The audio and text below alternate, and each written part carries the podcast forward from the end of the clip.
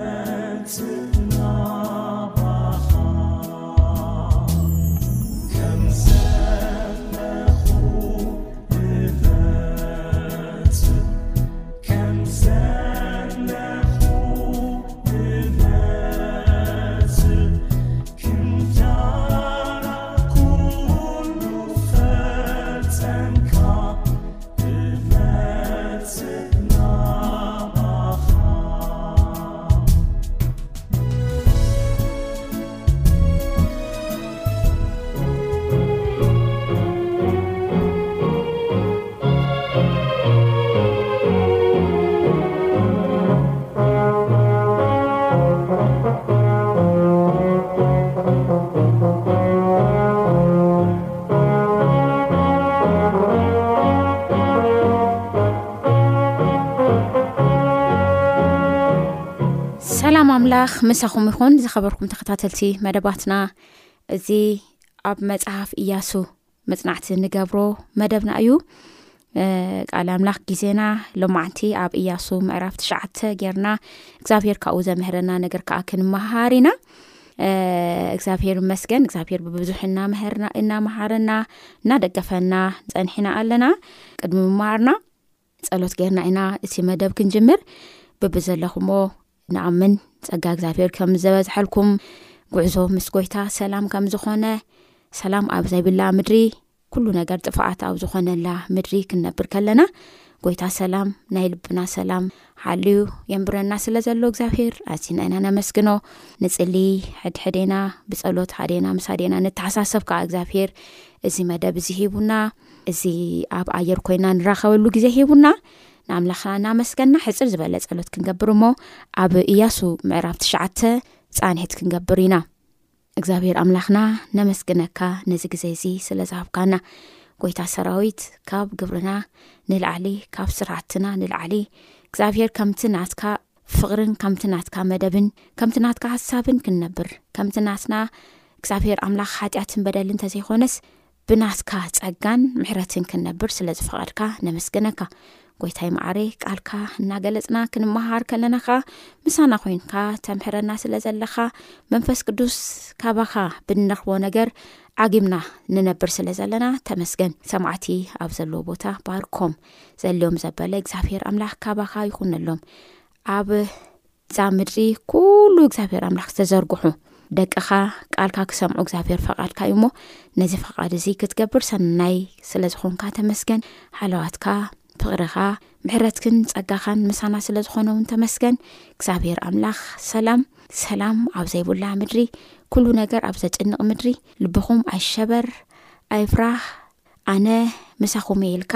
ምሳና ትነብር ዘለኻ ጎይታ ተመስገን ሕዚ እውን ቀሪ ዘሎ ግዜና ተረኸብ ቃልካ ግለጸልና ብሽም ወድኻ ብኢየሱስ ክርስቶስ ኣሜን ሕራይ ክቡራት ሰማዕትና እያሱ ምዕራፍ ትሽዓተ ኣብ ብሓባር ኮይና ነንብብ እያሱ ምዕራፍ ትሽዓተ ምሳይ ብሓደ ነውፅ እሞ ብሓባር ነንብብ እሞ ኣምላኽ ካብዚ ነገር እዚ ዘምሐረና ዓብዪ ነገር ንማሃር ኢና እቲ ኣርእስቲ ሰብ ጊባኦን ንእያሱ ከም ዘታለልዎ ይብል ኰነ ኸኣ፣ እቶም ኣብ ስግር ዮርዳኖስ፣ ኣብ ከረን ቈላን ኣብ ገምገም እቲ ዓብዪ ባሕሪ ብሸነኽ ሊባኖስ ዚነብሩ ኵሎም ነገስታት፣ ሔታውያንን ኣሞራውያንን ከነኣናውያንን ፈረዛውያንን ሓዋውያንን የቡሳውያንን እዚ ምስ ሰምዑ፣ ምስ እያሱን ምስ እስራኤልን ኪወግኡ ብሓደ ዀይኖም ተኣኪቦም ተሰማምዑ። ሰብ ጊብዖን ከኣ እያሱ እቲ ኣብ ያርኮን ኣብ ዓይን ዝገበሩ ምስ ሰምዑ፣ ንሳቶም ድማ ተንኮል ገበሩ፣ ከም ልኡኻት መሲሎም ኣረገውቲ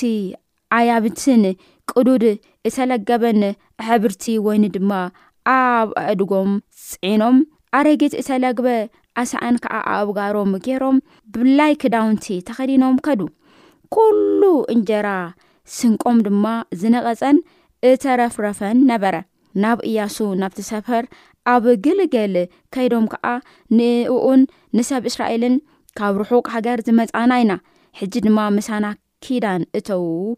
በልዎም። ሰብ እስራኤል ከኣ ንሃዋውያን ምናልባሽ ኣብ ማእኸልና ትነብሩ ክትኾኑ ከመይ ጌርና ምሳኻትኩም ኪዳን ክንኣቱ በልዎም። ንእያሱ ኸኣ ንሕና ገላውኻ ኢና በልዎ። እያሱ ድማ እንታዎት ኢኹም? ካበይካ መጺእኹም? በሎም። ንሳቶም ከኣ በልዎ፣ ወርኡ ንእቲ ኣብ ግብጺ ዝገበሮ ኩሉን ሰሚዕና እሞ፣ ገላውኻ ምእንቲ ስም እግዚኣብሄር ኣምላኽካ ካብ ኣዝዩ ርሑቕ ኣገር ዝመጻና ኢና። እቲ ነቶም ኣብ ስግሪ ዮርዳኖስ ዝነብሩ ክልተ ነገስታት ኣሞራውያንን ንሴሖን ንጉስ ሐስቦን ነቲ ኣብ ስታሮት ዝነበረ ዖግን ንጉስ ባሳንን ዝገበሮ ኩሉ ድማ ሰሚዕና እቶም ዓይበትን ኣብ ሃገር ዝነብሩ ኩሎምን ከምዚ ኢሎም ተዛረቡና ስንቂ ንመንገዲ ኣብ ኢድኩም ውሰዱ ክትቀባበልዎም ድማ ክዱ ንሕና ገላውኻ ኢና ሕጂ ኸዓ ኪዳን እቶ እናበልዎም እዚ እንጀራ በታ ናባኻትኩም ክንካይድ ዝመፃእናላ መዓልቲ ካብ ኣይበትና ብውዑይ ዝሰነቕናዮ ሕጂ ግና እነሆ ነቒጹን ተረፍሪፉን እዩ። እዚ ኣሕብርቲ ወይኒ ኸኣ ብሓድስቱ ዝመላእናዮ እነሆ ተቐዲዱ፣ እዚ ክዳውንትናን ኣሳእናን ድማ ካብ ምንዋሕ መንገዲ በልዩ። ሽዑ እቶም ሰባት ካብ ስንቆም ወሰዱ፣ ንኣፍ እግዚኣብሄር ከኣ ኣይጠየቑን። እያሱ ድማ ምስኣታቶም ሰላም ገበረ፣ ብህይወቶም ኪሓድጎም ከኣ ኪዳን ኣተወሎም፣ ሹማምቲ እቲ ኣኼባውን መሓሉሎም። ኰነ ኸኣ፣ ምስኣታቶም ኪዳን ምስ ኣተዩ፣ ብድሕሪ ሰለስተ መዓልቲ ጐረቤቶም ምዃኖም፣ ኣብ ማእከሎም እኳ ደኣ ከም ዚነብሩ ሰምዑ። ደቂ እስራኤል ከኣ ነቒሎም ብሳልሰይቲ መዓልቲ ናብ ከተማታቶም መጹ፣ እተን ከተማታት ከኣ ጊብዖን፣ ከፊራን፣ ብኤሮትን፣ ቅያርን፣ የዔርሞንን እየን። ግናኻ ደቂ እስራኤል እቶም ሹማምንቲ ኣኼባ ብስም እግዚኣብሄር ኣምላኽ እስራኤል ምሒሎምሎም ስለ ዝነበሩ ኣይቀተልዎምን። ብዘሎ እቲ ኣኼባ ከኣ ኣብቶም ሹማምንቲ ኣጉረምረመ። እቶም ሹማምንቲ ኵሎም ድማ ናብ ዘሎ እቲ ኣኼባ ንሕና ብእግዚኣብሄር ኣምላኽ እስራኤል ምሒልናሎም ኢና ሕጂ ከኣ ክንትንክዮም ኣይንኽእልን ብዛዕባ እቲ ዝመሓልናሉ መሓላ መዓት ከያውርደናስ ከምዚ ግዳ ንግበሮም ብህይወት ንሕደጎም በልዎም። እቶም ሹማምቲ ብሕይወት ይንበሩ በልዎም ግና ኸዓ ከምቲ ሹማምቲ ዝበልዎ ናብ ዘሎ ኣኼባ ቆረስቲ እንጨይትን ወረዲ ማይን ኾኑ እያሱ ድማ ናብኡ ጸውዑ ኣብ ማእኸልና ክነስኹምሲ ንሕናስ ካባኹም ኣዚና ርሑቃት ኢና ብምባልኩም ስለምንታይ ጠበርኩምና ሕጂ ድማ ንስኻትኩም ርጉማት ኢኹም ባርነት ከዓ ካባኻትኩም ኣይለቅቕን ንቤት ኣምላኸይ ቆረስቲ ዕንጨይትን ወረዲ ማይን ክትኾኑ ኢኹም ኢሉ ተዛረቦም። ንሳቶም ድማ ንእያሱ፣ እቲ እግዚኣብሄር ኣምላኽካ ንሙሴ ባርያኡ ብዘሎ እዛ ምድሪ እዚኣ ክህበኩም፣ ኣብዛ ሃገር ንዝነብሩ ኵሎም ከኣ ካብ ቅድሜኹም ክተጥፍእዎም ከም ዝኣዘዞ ንሕና ባሮትካ ርግጽ ተነጊሩና እዩ እሞ፣ ስለዚ ኣብ ቅድሜኹም ንነፍስና ኣዚና ፈሪህና እዚ ነገር እዚ ገበርና። ሕጂ ድማ እንሆ ኣብ ኢድካ ኢና፣ ንኣና ክትገብሮ ጽቡቕን ቅኑዕን መሲሉ ዝተረኣየካ ግበር ኢሎም መለሱሉ። ከምኡ ከኣ ገበሮም፣ ካብ ኢድ ደቂ እስራኤል ድማ ኣናገፎም፣ ንሳቶም ከኣ ኣይቀተልዎምን። እያሱ ከኣ በታ መዓልቲ እቲኣ ነቲ ኣኼባን ንመሰውኢ እግዚኣብሄርን ኣብታ ንሱ ዝሓረያ ቦታ ክሳዕ እዛ መዓልቲ እዚኣ ቈረጽቲ እንጨይትን ወረዲ ማይን ገበሮም ይብል። እያሱ ምዕራፍ ትሽዓተ ካብ ሓደ ክሳብ ዕስራን ሸውዓተን ሙሉእ ምዕራፍ ማለት እዩ እሞ እዚ ሓሳብ እዚ ምርኣይና ወሳኒ እዩ እንታይ ይብለና መጀመርያ ክጅምር ከሎ ሲ እቶም ኣብ ገምገም ዝነብሩ ነገስታት ኩሎም ኣርባዓተ ሓሙሽተ ነገስታት ኮይኖም ንክወግኡ ተስኡ ይብል ንእያሱ ክወግኡ ተስኡ ንምንታይ ከምኡ ገይሮም ንምንታይ ከምኡ ሓሲቦም ኢልና ክንርኢ ከለና እያሱን እስራኤልን ቅድሚ እዚ ቦታ እዚ ምብጽሖም፣ እቶም ከተማ ዓይ ዝነበሩ ህዝብታት ከም ዝደምሰሱ፣ ምርኮ ከም ዝማረኹ፣ ዘሎ ነገር ኩሉ ከም ዝወሰዱ ይዛረብ እያሱ ምዕራፍ ሸሞንተ። ስለዚ ሕዚ እቶም ኣብ ስግር ዮርዳኖስ ዝነብሩ ከኣ እዚ ነገር እዚ ምስ ሰምዑ ይብል፣ ምስ እያሱን እስራኤልን ክወግኡ ብሓደ ኮይኖም ተስኡ ይብል እዚ ነገር እዚ ምስ ሰምዑ ነቲ ከተማ ዖግ ከመ ገይሮም ከም ዘጥፍእዎ ህዝቦም ከመ ገይሩ ከም ዘስፍዎ እቲ ምርኮ ከመ ገይሮም ከም ዝማረኹ ምስ ሰምዑ ሲ ሓሙሽተ ዝኾኑ ነገስታት ብሓደ ተኣኪቦም ህዝቢ ኣኪቦም ክወግኡ ክትስኡ ከሎ ንንርኢ በዚ ኣብ ማእኸል ከዓ እዚኦም ኣብ ማእኸል እዚኦም ዝነብሩ ከዓ ሓደ ዓዲ ከም ንጉስ ዝነብሩ ህዝብታት ንጉስ ዘለዎም መራሒ ዘለዎም ህዝብታት ከዓ ኣይ እዚ ነገር እዚ ኣያዋፀአናን ሞ ካሊእ ሜላ ንፍጠር ኢሎም ካሊእ መራ ከምሕዙ ከሎ ኢና ንርኢ ምትላል ማለት እዩ ካብ ርሑቅ ኢና መፂና ዝሓዝናዮ ምግቢ ነቒፁ እዩ ጫማና ኣብ እግርና በስቢሱ እዩ ክዳውንትና ከምዝን ተቐዲዱ እዩ ዓይበት ናይ እቲ ወይን ዝሓዝናዮ ኣቅሓዋላት ተቐዲዱ እዩ ረስሒዩ እናበሉ ናብ እነ እያሱ ከም ዝመፁ ኢና ንርኢ ማለት እዩ ኣብ ትሽዓተ ዓሰርተ ሓሙሽተ ዘሎ ዋና ጥቅስና ከምዚ ይብል እያሱ ድማ ምስኣታቶም ሰላም ገበረ ብሂወቶም ክሓድጎም ከዓ ኪዳን ኣተወሎም ሹማምቲ እሳኸባ እውን መሓሉሎም ይብል ማለት እዩ ከምዚ ገይሮም እዞም ሰባት ሰብ ጊብኦን ሰብ ጊብኦን ከምኡ ከም ዝገበሩ ንርኢ ማለት እዩ ሕዚ ካብዚ ነገር እዚ ንመሃሮም ነጥብታት ኣለው ኣርባዕተ ነጥብታት ካብዚ ሓሳብ እዚ ካብቲ ለንበብናዮ ንመሃር ኢና እቲ ሓደ እግዚኣብሄር ንህዝቡ ሞጎስ ይኸውን እግዚኣብሄር ንህዝቡ ሓይል ይኸውን ሞጎስ ይኸውን ምዕራፍ ትሽዓተ ክንሪኢ ከለና ነቲ ህዝቢ ንእስራኤል እግዚኣብሄር ካብ ዝገበሮ ነገር ዝተላዓለ እግዚኣብሄር ንህዝቡ ካብ ዝዓበዩ ዕብት ዝተላዓለ እቶም ኣብ ከንኣን ኣብ ከባቢ ከንኣን ዝነብሩ ነገስታት ሰጊኦም ፈሪሖም ከም ዝኾኑ ኢና ንርኢ ካብኡ ዝተላዕለ ካብ ዘለዉ ኩሎም ነገስታት ኣርባዕተ ሓሙሽተ ነገስታት ባህደ ተኣኻኺቦም ከም ዝኾኑ ኢና ንርኢ እቶም ስግሪ ዮርዳኖስ ዝነብሩ ገምገምቲ ዓብዪ ባሕሪ ብሸነክ ሊማኖስ ዝነብሩ ኩሎም ነገስታት ይብል ሄታውያን ሓደ ኣሞራውያን ክልተ ከነኣናውያን ሰለስተ ፈረዛውያን ኣርባዕተ ሃዋውያን ሓሙሽተ እያቡሳውያን ሽዱሽተ ነገስታት ሽዱሽተ ዓዲ ማለት እዩ ተኣኻኺቦም ድሓረ ክወግእዎ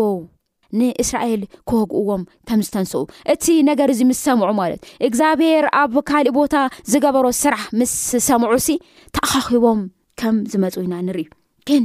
እዚ ሞጎስ እግዚኣብሄር እዩ ሓይልን ጥበብን እስራኤል ኾነ እስራኤል እማ ኣብ ቅድሚኦም ሓና ከም ኣንበጣ ኢና ንእሽቶ ኢና ቁፅሩ ብጣዕሚ ንእሽተ ዝኾነ ህዝቢ ኮዩ ቁፅሩ ንእሽተን ዝኾነ ህዝቢ እዩ ልገርመኩም ሓደ ታሪክ ብዝሓለፈ ኣብ መራኸቢ ሓፋሽ ይርኢ ፀንሐ እንታይ ይብል ሲ ጭንቁርዓ ነይራ ኣብ ጥቃማይ ኮፊላ ሲ ድምፃ ታስምዕ ነይራ ዳሓረስ ሓደ መልእክተኛ ናብኣ መፅኡ ይብል ካብ ነዛ ጭንቁራዕ እንታይ ይብሉ ኣንቲ መፂኦምኺ ከጥፍኡኺ ኢሎም መፂኦምኺ ይብልዎ ማለት እኒ መን እዮም ዝመፁ ንሎ ዘለዉ ስብልታ ጭንቁራዕ ካብኡ እኒ ኣንበሳ እኒ ነብሪ እኒ ሓርማዝ ዓበይቲ ዓበይቲ ናይ ኣብ ጣሻ ዝነብሩ እንስሳታት ኩሎም ይዝርዝሩ እሞ እዚኦም ኩሎም ሲ ተኣኻኺቦም ሲ ከትፍኡኺ ይመፅሎ እዮም ይብልዎ ማለት እዩ ካብኡስ እሞ ደኣ እዚኣቶምስ ኩሎም ይመጹኒ ኣለዉ፣ እግዚኣብሄር ምስኦም ኒኦ ድዩ? ኢላቶ፣ ነቲ መልእክተኛ ማለት እዩ። እቲ መልእክተኛ ከ እንታይ ኢሉ? ሃይ ኖኖ፣ እግዚኣብሄርስ ምስኦም የለን ኢልዋ ማለት እዩ። እህዋ ደሓን፣ እግዚኣብሄር እንተ ዘየለሲ ጸገም የለን። ይብል እቲ ዝረኣኽዎ እና እዞም ሰብዚኦም ልክዕ ከምዛ ጭንቁርዓዮም ንእሽተን እዮም ቁፅሮም እዚ ኩሉ ሽዱሽተ ምናምን ነገስታት ተኣኻኺቦም ክወግእዎም ክላዓሉ ከለው ግን ሓደ እምነት ነይርዎም እግዚኣብሄር ሞጎስ ዝህብ እግዚኣብሄር ሓቢሩ ዝኸውን እግዚኣብሄር ኣምላኽ ምስ ሰብ እንተኮይኑ ምንም ዘፍርሕ ነገር የለን ኣምላኽ ምስ ህዝቢ እንተኮይኑ ምንም ዘፍርሕ ነገር የለን ድሓረ እግዚኣብሔር ካብ ዝሓቦም መጎስ ተልዓለ ርዒዶም ተንቀጥቂጦም ፈርሖም ተሓረ ዘሎ ጎግማንጉ ኩሉ ኣካኪቦም ክወግእዎም ክወፁ ከለው ኢና ንርኢ ማለት እዩ እግዚኣብሄር ግን ንህዝቢ እንታይ ዝገብር ኣምላኽ እዩ ሞጎስ ዝኸውን እግዚኣብሄር ሰብ እግዚኣብሔር እንተመሊፁ ህዝቢ ከም ህዝቢ እግዚኣብሔር እንተመሪፁ መራሒ ከም መራሒ እግዚኣብሔር እንተመሪፁ እግዚኣብሔር ሞጎስ ዝህብ ኣምላኽ እዩ እዚ ኢና ንርዳእ ካብ ታሪክ እስራኤል ማለት እዩ ስለዚ ሎሚ እውን ብእኡ ንዝእመኑ በእኡ ትእመን ነብሲ ሞጎስ ናይ እግዚኣብሔር ሞጎስ ይኾና ሞጎስ ናይ እግዚኣብሔር ምስ ህዝቢ ይኸውን ሞጎስ እግዚኣብሔር ምስ ውልቀ ሰብ ይኸውን ውልቀ ሰብ እኳስ ንኣሽሓት ንኣማኢትን ንሚልዮናት ምፍርራሕ ክኸውን ይኽእል እዩ እግዚኣብሔር ምስኡ ስለ ዘሎ ሞጎስ ስለ ዝኾኑ ማለት እዩ ስለዚ ሞጎስ እግዚኣብሔር ክንቕበል ከም እስራኤል ሎሚ እግዚኣብሔር ፃውኢት የቕርበልና እቲ ካልኣይ ሓሳብ እግዚኣብሔር ክመርሐና ናትና ድሌት ናትና ምርጫ ዝፅበዮ ኣምላኽ እዩ እንታይ ኮይኖም እዞም ሰባት ሰብ ገባኦን ምስ መፅዎም ተታሊሎም እስራኤል ካብዚ ታሪክ እዚ ክንርኢ ከለና እያሱን መራሕቲ እስራኤልን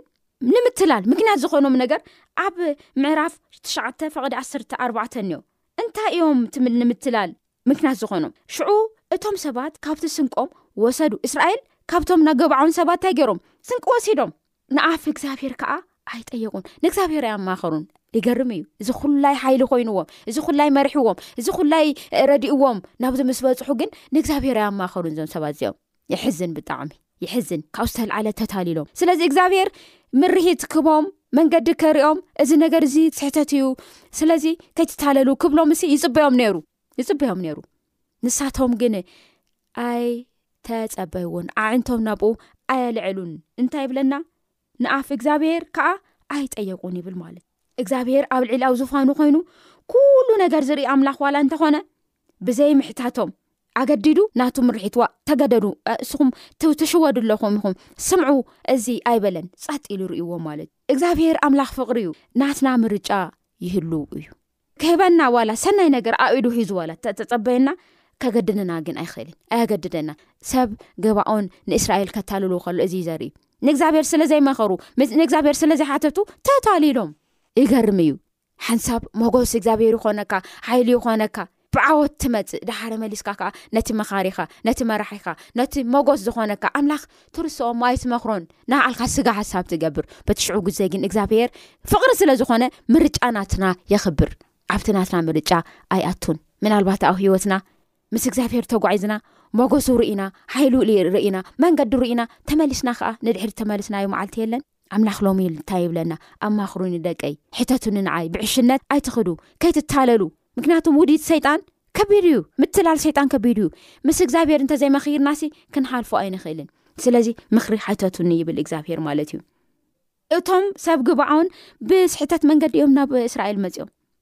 ኮይኑ ግን ምስኦም ክፀንሑ ክሳብ ለወሰንሉ መዓልቲ ጀሚሩ እግዚኣብሄር እንታይ ገይርዎ ሓለዋ ገይሩሎም ተኸናኸንዎም ኣብ ማእኸል ህዝቢ ክነብሩ ፈቒዱሎም ስለዚ እግዚኣብሄር ዝመፅኦ መንገዲ ዋላ ስሕተት ዋላ እንተኾነ ምስኡ እስካብ ዝፀናሕና እንታይ ዝገብር ኣምላኽ እዩ ዝልውጠና ዘብጅወና ዘስተኻክለና ኣምላኽ ከም ዝኾነ ንርኢ እቶም ሰብ ጊባዖን ማለት እዩ ናብ እስራኤል ክመፁ ከለዉ ካብ መቅፃዕቲ ንምምላጥ ፈሪሖም እዮም ኣታሊሎም ናይ ረኣብ ኣመጣጥ ከኣ ንርኢ ረኣብ ርኢና ኢና ኣብቲ እያርኮ ዝነበርት ረኣብ ከኣ ካብ እምነት እያ መጽያ እቲ እግዚኣብሔር ኣምላኽ ካባኹም ዝገብሮ ነገር ኩሉ ርኢና ኢና ስለዚ ካባኹም ዝተላዕለ ፈርሒና ኢና እሞ ንኣይ ንቤተይ ንባ ኣውፁኒ ካብዙ ንኣይ ንቤተይ እንታይ ግበሩ ሰናይ ግበሩ ኢላ ምስ ቤት ስድራኣ ካብቲ ነገር እሱ ከም ዝወፀት ኣሚና ከም ዝወፀት እዚኦም ከዓ ብምትላል ብምፍራኽ እዮም መፅኦም ግን ኣብ እስራኤል ኣብ ማእኸል እግዚኣብሄር ክነብሩ እግዚኣብሄር ከም ዝፈቐዶም ንርኢ እግዚኣብሄር ተቐቢልዎም ነቲ ዝተዋሃቦም ስራሕ እንጨይቲ ምቑራፅ ማይ ምቕዳሕ እናሰርሑ ምስ ሕራይ ኢሎም ምስ ተቐመጡ ናይ እስራኤል ናይ ድሕሪት ታሪክ ዛንታ ክንርኢ ከለና ናታኒም ተባሃሉ ጉጅሌታት ካብኦም ከም ዝወፁ ንርኢ ማለት እዩ እዞም ናታኒም ዝበሃሉ ከዓ ኣብ ቤት እግዚኣብሔር ብቅንዕና ዘገልግሉ ዝነበሩ ከም ዝኾነ ንርኢ ኣብ ቀዳማይ ዜና ምዕራፍ ትሽዓተ ፈቅዲ ክልተ ስቲ ንርአ ቀዳማይ ዜና መዋእል ምዕራፍ ትሽዓተ ፈቅዲ ክልተ ከምዚ ይብል እቶም ቀዳሞት ኣብ ረርስቶም ኣብ ከተማታቶም ዝነበሩ ተቐማጦ ግና እስራኤልን ካህናትን ለዋውያንን ነታኒምን ነታኒም ዝበሃሉ እዚኦም